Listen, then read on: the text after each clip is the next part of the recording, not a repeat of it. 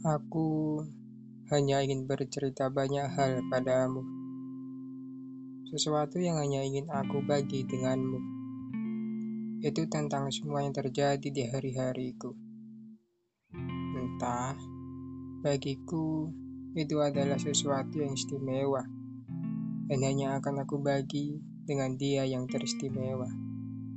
Itu kamu. Hari-hari ini banyak hal sulit yang aku lewati. Kegagalan demi kegagalan aku alami. Meski di saat seperti itu, aku memang susah bercerita. Lebih ingin merasa ada yang menemani, tidak merasa sendiri dalam menghadapi semuanya. Kamu cukup diam di sampingku dan elus rambutku. Biarkan aku tenang dalam belayan kasih dan sayangmu. Bahagiaku adalah ketika dapat berbagi denganmu.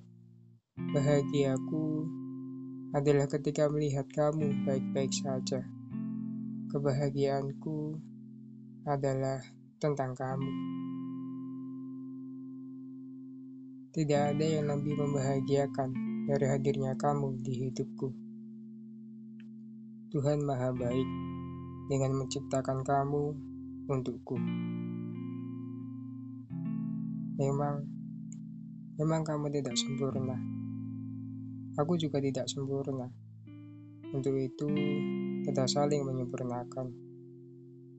Aku yang berantakan, bahkan terkait penampilan, akan mendapat ocehan darimu yang suka kerapian dan kebersihan mengomel sana sini sembari merapikan kemeja dan dasiku.